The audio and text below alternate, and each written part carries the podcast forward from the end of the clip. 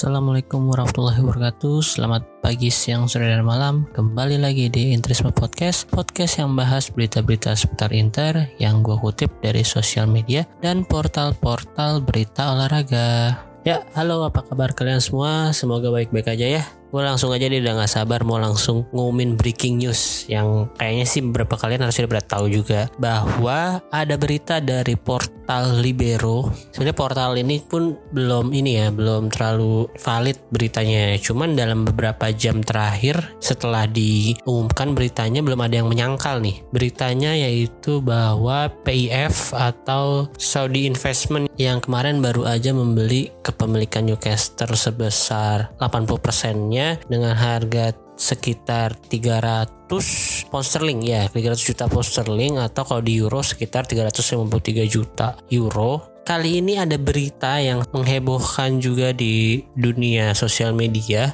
bahwa PIF ini juga akan membeli Inter dengan harga 1 miliar euro. Ini nilainya nggak main-main satu satu miliar ya. Memang kemarin Suning juga kabarnya cuma akan mau melepas di harga 800 juta ke atas kan atau satu miliar lah. Nah ini kalau harganya udah cocok begini sih ya gue sih berharap Suning mau menjual atau melepas Inter ke Saudi Investment ini ya karena ya sama-sama untung lah di sisi Inter manajemen Inter dan uh, fans tim itu untung karena mempunyai pemilik yang lebih kaya atau lebih loyal. Sebenarnya Suning juga kaya. Suning juga masuk ke jajaran 10 besar pemilik klub terkaya di dunia. Kalau nggak salah posisi 5 atau 6 bahkan si Zhang Jindong itu. Cuman kan kendalanya sekarang terhalang oleh peraturan pemerintah Cina. Nah, makanya nih nggak bisa spending uang banyak-banyak. Nah kalau dia bisa jual sebesar 1 miliar euro ini udah untung juga buat Suning karena kalau nggak salah belinya gue lupa sih cuman nggak nyampe segitu lah good deal untuk Suning untung ya kita juga sebagai manajemen yang mungkin secara ekonomi dampaknya juga akan lebih bagus ya pastinya sih. Ya walaupun kita nggak tahu nanti detailnya bakalan kayak gimana atau masih ada hutang-hutang yang harus dilunasi tetap atau gimana atau terkait FFP atau peraturan euro lainnya gimana ya? Semoga aja sih lancar-lancar aja ya. Sebenarnya gue nggak mau terlalu berharap banyak sih. Takutnya berita ini cuman hoax atau cuman ya goreng-gorengan media aja lah supaya heboh. Cuman nggak ada salahnya ya kan kita bisa bermimpi punya pemilik klub yang kaya raya yang bisa spending uang langsung. Sehingga kita bisa punya pemain-pemain yang levelnya tuh minimal pernah juara lah di tim sebelumnya atau minimal upgrade lah dari squad-squad yang masih kurang sekarang ya menurut gue masih kurang karena kayak pemain kayak Zeko aja yang umurnya 35 tahun kita masih bergantung sama dia di lini depan. Terus untuk back sampai sekarang belum punya backup yang bagus. Masih bergantung sama Kolarov dan Nander yang umurnya juga mungkin bisa main cuman maksimal 2 tahun atau tiga tahun lagi. Ya semoga aja Pangeran Muhammad bin Salman ini beneran bakal mengakuisisi Inter dari Suning. Kalau dirupiahin ini jumlahnya kurang kurang lebih 16 triliun ya uang yang harus dikeluarkan. Jadi ya boleh yuk kita ganti masing-masing DP kita dengan foto yang pakai sorban-sorban gitu. Aduh, jujur excited banget sih gue sama berita ini ya. Berharap aja ini beneran terrealisasi. Kalau beneran terrealisasi sih gue penasaran pemain siapa yang akan dibeli pertama di bulan Januari nanti. Kan kalau misalnya langsung dibeli sekarang Januari udah bisa ngucur tuh duitnya. Newcastle aja baru dibeli langsung ada banyak rumor kan katanya mau pelatihnya mau make Antonio Conte. Terus pemain Inter banyak yang diincar kayak Stefan De Vrij, Marcelo Brozovic. Harusnya sih kalau jadi beli Inter nggak bakal terjadi tuh transfer-transfer itu. Dan Inter semoga bisa mempertahankan pemain-pemain kuncinya yang bermain bagus dari musim kemarin sampai musim saat ini juga masih bagus. Ya nggak bakal mencopot-copot main penting lah seenggaknya. Yang penting tuh apalagi kemarin Om BP Marota juga udah sempet bersabda kan kalau Inter nggak akan menjual pemainnya lagi. Dan justru uh, mengincar Dusan Vlahovic tuh. Tumben-tumbenan tuh Marota mau ngomong segamblang itu. Jangan-jangan dia udah tahu kali ya kalau si PIF ini mau beli Inter. Makanya dia berani ngomong gitu kemarin. Terus gue juga nggak sabar kalau beneran terjadi bakal ada meme meme apa nih di dunia sosial media itu. Kalau kemarin kan uh, waktu dia beli Newcastle kan meme begini.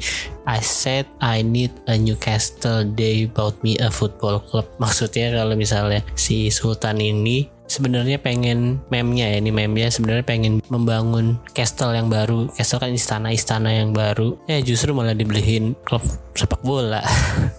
Oke sekali lagi pokoknya kita doain aja. Semoga berita ini beneran gak hoax dan prosesnya bisa berjalan dengan cepat dan dengan baik. Gak ada hambatan sama sekali. Amin.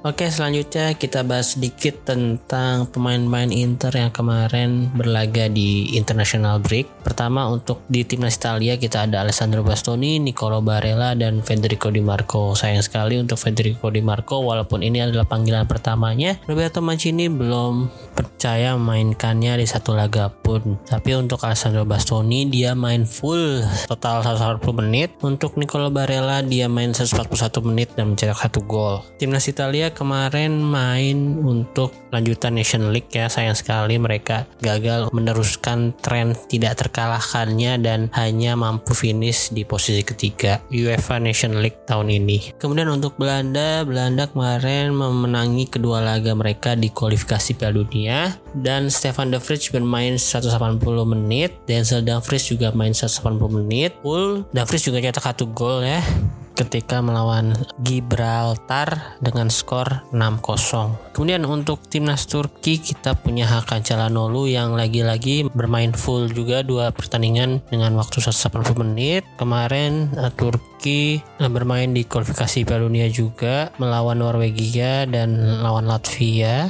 Terus ada Kroasia di mana di sana ada Perisic yang bermain 180 menit dengan menyumbang satu gol. Terus ada Brozovic yang bermain 176 menit. Kemudian timnas Slovakia Skriniar main 180 menit juga. Salah satu pertandingannya juga ngelawan temannya yaitu Persik dan Brozovic dan berhasil menahan imbang dengan skor 2 sama. Kemudian untuk Bosnia dan Herzegovina kita menyumbang Edin Zeko yang juga bermain 180 menit. Sedangkan untuk pemain yang berasal dari negara Amerika Selatan masih harus memainkan satu pertandingan lagi hari Kamis besok tepatnya pada tanggal 15 Oktober pagi kalau waktu Indonesia Baratnya. Uh, di mana di Chili ada Alexis Sanchez dan Arturo Vidal yang akan melawan Venezuela. Argentina ada Lautaro Martinez dan Joaquin Korea di Uruguay ada Matias Vecino namun sayang sekali untuk Joaquin Korea kabarnya mengalami cedera. Dan kabarnya bukan hanya cedera ringan biasa, kabarnya ada cedera hamstring. Dan ini merupakan satu kerugian yang sangat berarti buat Inter ya karena di kondisi seperti ini Inter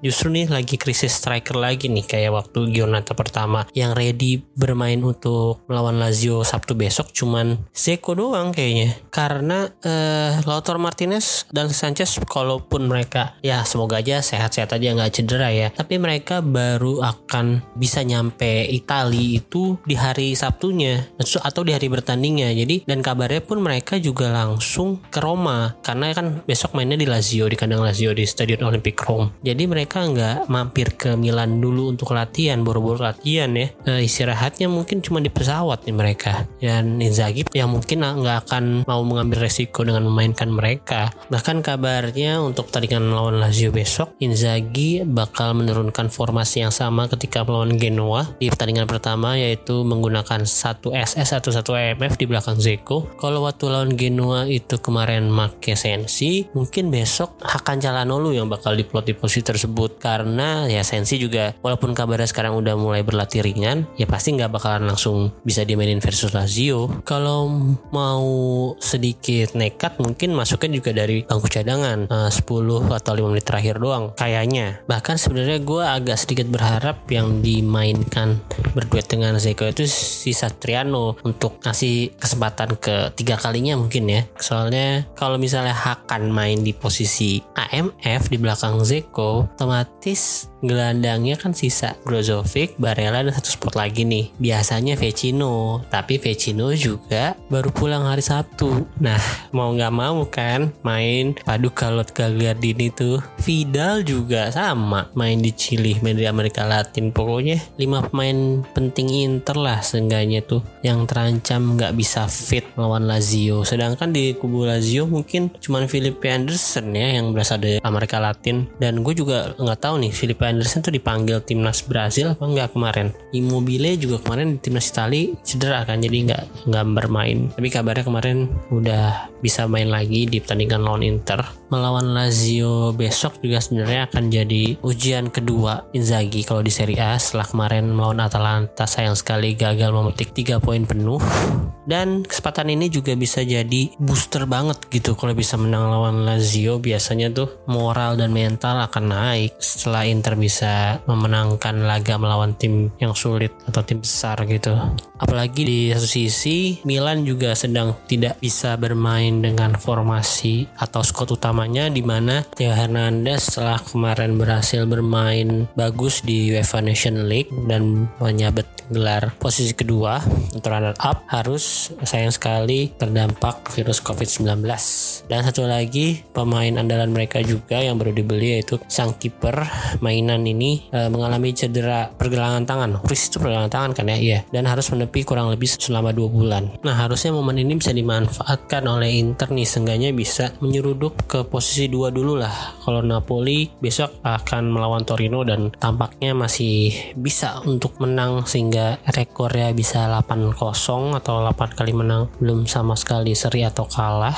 Sedangkan Milan akan melawan Verona yang di mana setelah mereka ganti pelatih Verona juga trennya lagi bagus nih. Jadi ya semoga aja Verona bisa mengganjal AC Milan dan tetap gue doain untuk Theo Hernandez dan Mike Mainan semoga cepet sembuh ya fair play aja lah kita. Kalau di derby ada mereka bakal lebih seru juga kan tontonannya. Walaupun sebenarnya ya tetap pengennya Inter bisa menang. Dan ya gue yakin sih walaupun mereka main Inter dengan uh, squad yang full atau tanpa ada pemain yang cedera juga Inter bisa, masih bisa mengungguli AC Milan lah saat ini. Oke kita balik ke pertandingan Lazio lawan Inter yang akan berlangsung pada hari Sabtu jam 11 malam waktu Indonesia Barat besok. Kalau dari head to head 5 pertandingan pertandingan terakhir Inter dan Lazio sama-sama bisa memenangkan dua dari lima pertandingan sedangkan satu laginya hasilnya seri. Prediksi gue sih pertandingan besok akan seru lagi sama kayak versus Atalanta dan tensinya juga bakalan panas di mana Inzaghi juga akan balik untuk pertama kalinya ke Stadion Olimpik Roma dan kabarnya kemarin juga ya hubungan sama Lotito juga nggak baik-baik banget juga kan sekarang jadinya dan ya pasti bakal ada supporter-supporter yang akan ngebu atau nyorakin Simone besok dan sayangnya juga Korea juga nggak bisa merumput kembali ke Stadion Olympic Rome. Terus kemarin udah mulai saywar-saywar juga ya Ciro Immobile uh, ngomong ke media kalau Sari lebih memiliki karakter dibandingkan Simone Inzaghi memiliki karakter dan karisma. Ya kita lihat aja besok. Semoga Inter bisa memenangkan kembali di mana musim kemarin uh, Inter harus puas dengan satu poin ketika bertandang ke Lazio dan pertandingan itu juga diwarnai dua kartu merah ya salah satunya dari Sensi yang baru main beberapa menit terus ngedorong siapa ya? Pokoknya waktu kondisinya tuh bola out terus dia ngambil bolanya tuh seorangnya didorong. Nggak penting banget itu. Kalau Lazio kartu merahnya kalau nggak salah Ciro Immobile melanggar Arturo Vidal ya dengan nggak sengaja juga sih sebenarnya. Nah untuk prediksi entah kenapa feeling gue kali ini mengatakan bahwa Handanovic akan clean sheet pertandingan besok. Dan Inter kemungkinan bisa menang tipis antara 1-0 atau 2-0 satu gol lagi-lagi dicetak oleh Edin Zeko dan satunya dari Hakan Jalanolu. Oke sekali lagi mari kita doakan agar proses pengakuisisian Inter dari Suning oleh PIF atau Saudi Investment berjalan dengan baik. Dan ini bukan cuma harapan atau mimpi bagi seluruh Interisti ya kali aja kalau udah punya duit banyak musim depan Hakimi Lukaku bisa balik lagi. Bahkan Hakimi bisa kali ngajak Messi sekalian. Mbappe juga boleh lah. Udah sekian untuk episode kali ini. Terima kasih untuk kalian yang udah mau mendengarkan. Jangan lupa follow akun sosial medianya. Di Twitter ada Interisme Media. Kalau di Instagram ada Interisme Podcast. Kalian juga bisa ngasih kritik saran atau masukan di sana. Boleh melalui DM atau atau reply di komen. Sekali lagi terima kasih. Arif Widiarsi, Forza Inter.